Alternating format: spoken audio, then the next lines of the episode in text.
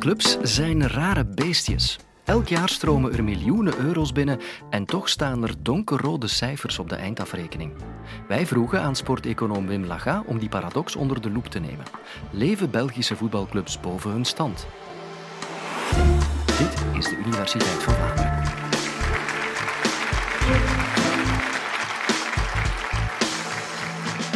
Het profvoetbal zit er warmpjes bij. De miljoenen stromen binnen. En nog in onverdachte pre-coronatijden bedroeg de totale omzet van een goede twintig Belgische profclubs 400 miljoen euro. En prima nieuws, opnieuw een verbeterd televisiecontract. In 2020 nam dat toe van 80 naar 103 miljoen euro. Ook inkomsten uit sponsoring, abonnementen, meerwaarden uit transfers, Europees deelname en prijzengeld bleef jaarlijks stijgen. Geen verrassing en logisch dat ook de lonen van de topvoetballers in de kopgroep zitten van de lonen in België. Dus met een bruto gemiddeld jaarloon van 330.000 euro.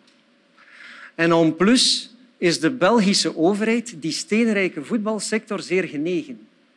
Met jaarlijks ongeveer 160 miljoen euro belastingvoordelen. Zo betaalt een topvoetballer minder sociale zekerheid dan een poetsvrouw of een trambestuurder. En toch, raar maar waar, enkele weken voor het uitbreken van de COVID-19-pandemie lazen we in de krant dat jawel 20 van de 24 profclubs verlieslatend waren. Dus voetbalclubs geven meer uit dan ze ontvangen.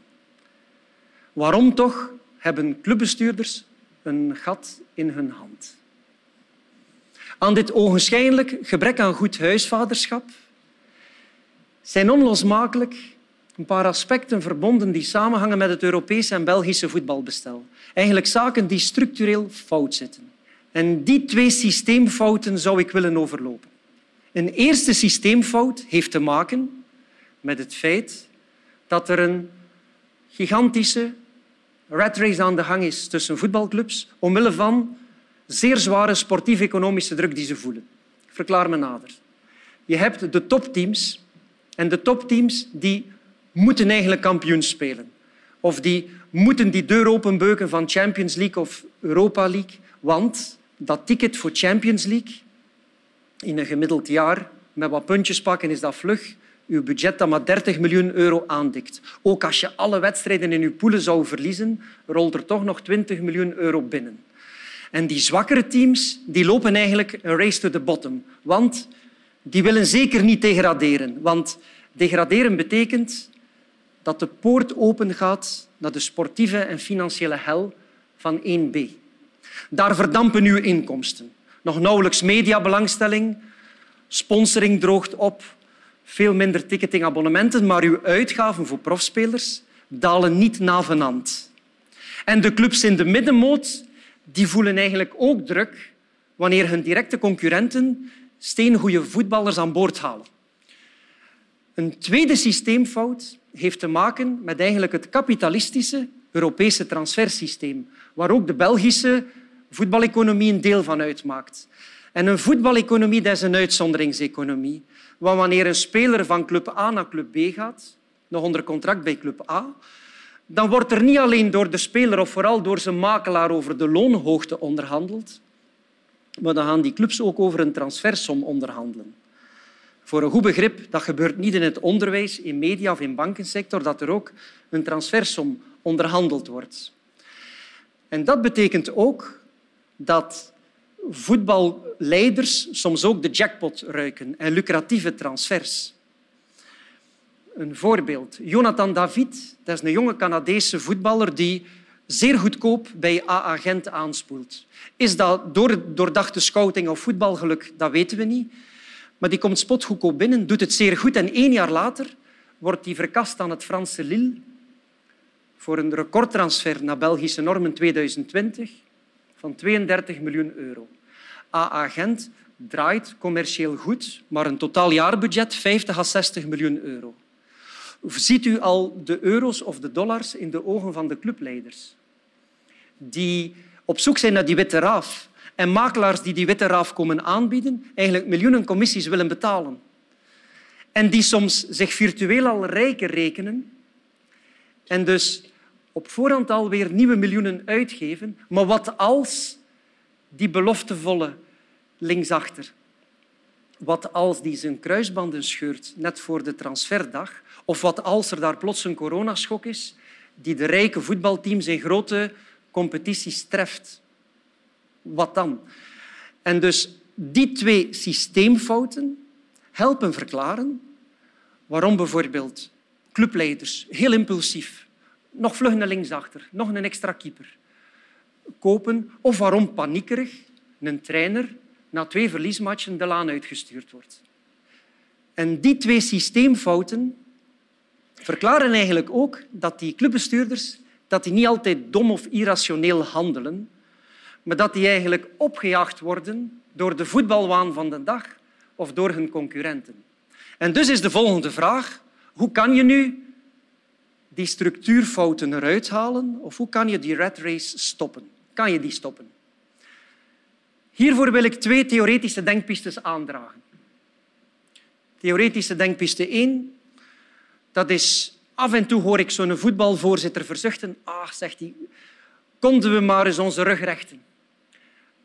Wanneer we een jaar of drie zeker zouden zijn dat we niet zouden degraderen. Eigenlijk droomt die clubvoorzitter luid op van een gesloten competitieformat. Eigenlijk op Amerikaanse leest geschoeid.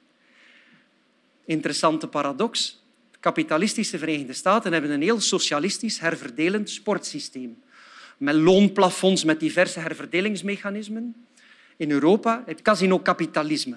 En die voetbalvoorzitter die zegt dan, goh, mijn loonplafond komen zoveel middelen vrij die ik eindelijk eens kan investeren in mijn relaties met sponsors verbeteren, in fanbeleving, in een sociaal-ecologisch duurzaam stadion. Of die vrijgekomen middelen kan ik meer en beter in jeugd- of damesvoetbal investeren.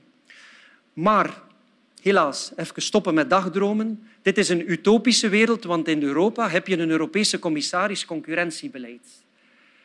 En in België heb je een mededingingsautoriteit en die waken erover dat de concurrentie vrij blijft spelen. Eigenlijk, in een vrijgemaakte economische sector moet je kunnen promoveren en degraderen.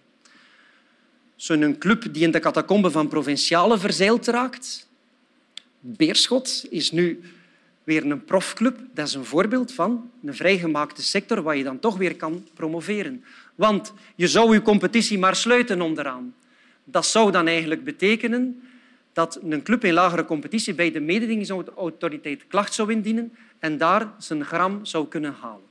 De tweede theoretische denkpiste, dat kapitalistisch transfersysteem, kunnen we dat gewoon niet afschaffen. Want eigenlijk druist dat toch in tegen het vrij verkeer van personen. En juridisch zijn daar gronden voor. Maar de Europese voetbaleconomie is een uitzonderingseconomie, dat is een sterke belangengroep. En tot nader order blijft dat transfersysteem bestaan.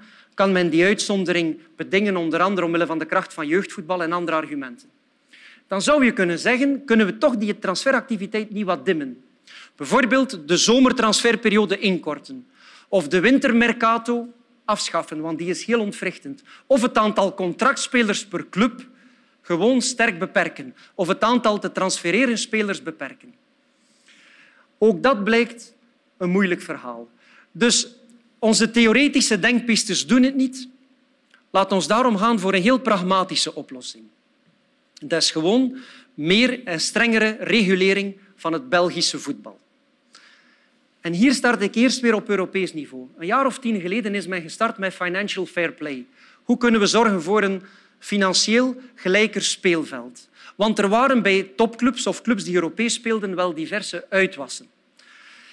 En de Europese Voetbalbond zei van kijk, je mag eigenlijk niet meer uitgeven dan wat er binnenkomt aan lopende inkomsten, met een beperkte speelruimte voor verliezen. Maar wat men dan zag, is dat een aantal clubs met vooral eigenaars uit de golfstaten erin gespecialiseerd waren om inkomsten kunstmatig op te pompen. Bijvoorbeeld een Qatarees ministerie van Toerisme staat op het shirt van een team. Specialisten zeggen van mm, marktconform is dat 5 miljoen euro waard, maar men schrijft dat voor 100 of 200 miljoen euro in de boeken. Monopoliegeld dat de sheiks uitgeven aan de Neymars van deze wereld. Dus denk aan Manchester City, Paris Saint-Germain. En dan kom je bij een hele moeilijke discussie van hoe kunnen we dat misbruik in kaart brengen en hoe kunnen we dat sanctioneren. Met een verwittiging, met een geldboete, met uitsluiting uit Europese competities. Ook hier weer wat conflict tussen het economisch en het juridisch kader. Juridische afdwingbaarheid heel moeilijk. Maar een paar jaar geleden, ook in België, is een light versie van Financial Fair Play opgericht. Ook omdat diverse Belgische profvoetbalclubs niet Europees meedingen en dus niet aan die Europese financial fair play onderhevig waren. En die Belgische fair play die zegt van kijk, over een periode van drie jaar mag je niet meer dan 5 miljoen euro meer uitgeven dan uw lopende ontvangsten. Met ook weer diverse uitzonderingen. Onder andere als je in infrastructuur of in jeugd investeert, dat valt daar dan niet onder. En anno 2020 zit men nu in de fase van voor het eerst clubs die in de donkerrode cijfers zitten, dat daar knipperlichten branden, dat er om de drie maanden toezicht is dat men zich moet verantwoorden van kan je die uitgaven niet meer in lijn brengen met uw ontvangsten of schulden wegwerken. Maar die regulering kan en moet nog verder gaan. Zo zou je aan clubs bij licentietoekenning nog meer kunnen kijken naar bijvoorbeeld infrastructuurparameters, parameters van hinterland, aantal abonnees, maar zou je ook doorstromingsquota van jeugd naar een eerste team of in België opgeleide spelers daar ook beloningsparameters voor geven? En vooral ook beter tegen het licht houden wat de buitenlandse investeerders en investeringsgroepen in dat Belgisch profvoetbal komen zoeken. Voor hen is het Belgisch profvoetbal qua regulering wat een lui lekker land. Weinig vereisten opgelegd. Bijvoorbeeld het minimumloon voor een niet-Europese Uniespeler ligt bij ons vijf keer zo laag als in Nederland. Als dat nu drastisch verhoogd zou worden, zouden ook de buitenlandse goudzoekers, het zijn niet allemaal goudzoekers, maar er zijn investeringsgroepen die korte termijn transferwinsten najagen, zouden die ook wat gemakkelijker gedimd worden. Want meer dan ooit hebben we geleerd dat schokbestendigheid belangrijk is. En die schokbestendigheid zit in die herverdeling van het Amerikaans sportsysteem. Of denk aan de stootkussens die aan banken opgelegd werden na de bankencrisis. Want nu hebben we ten volle door dat ook voetbalclubs en zeker clubs zich moeten wapenen tegen negatieve vraag- en aanbodschokken. Want daar was plots die coronaschok.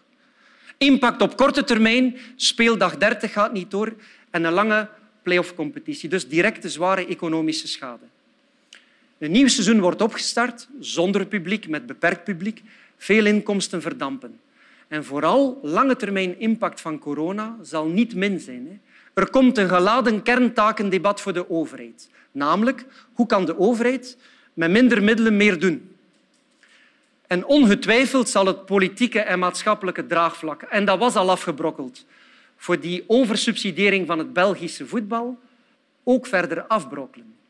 Op nu de vraag of Belgische voetbalclubs boven hun stand leven, daar kan eigenlijk meestal volmondig ja op geantwoord worden. Helaas bestaan er geen toveroplossingen. Wel dringt meer regulering zich op.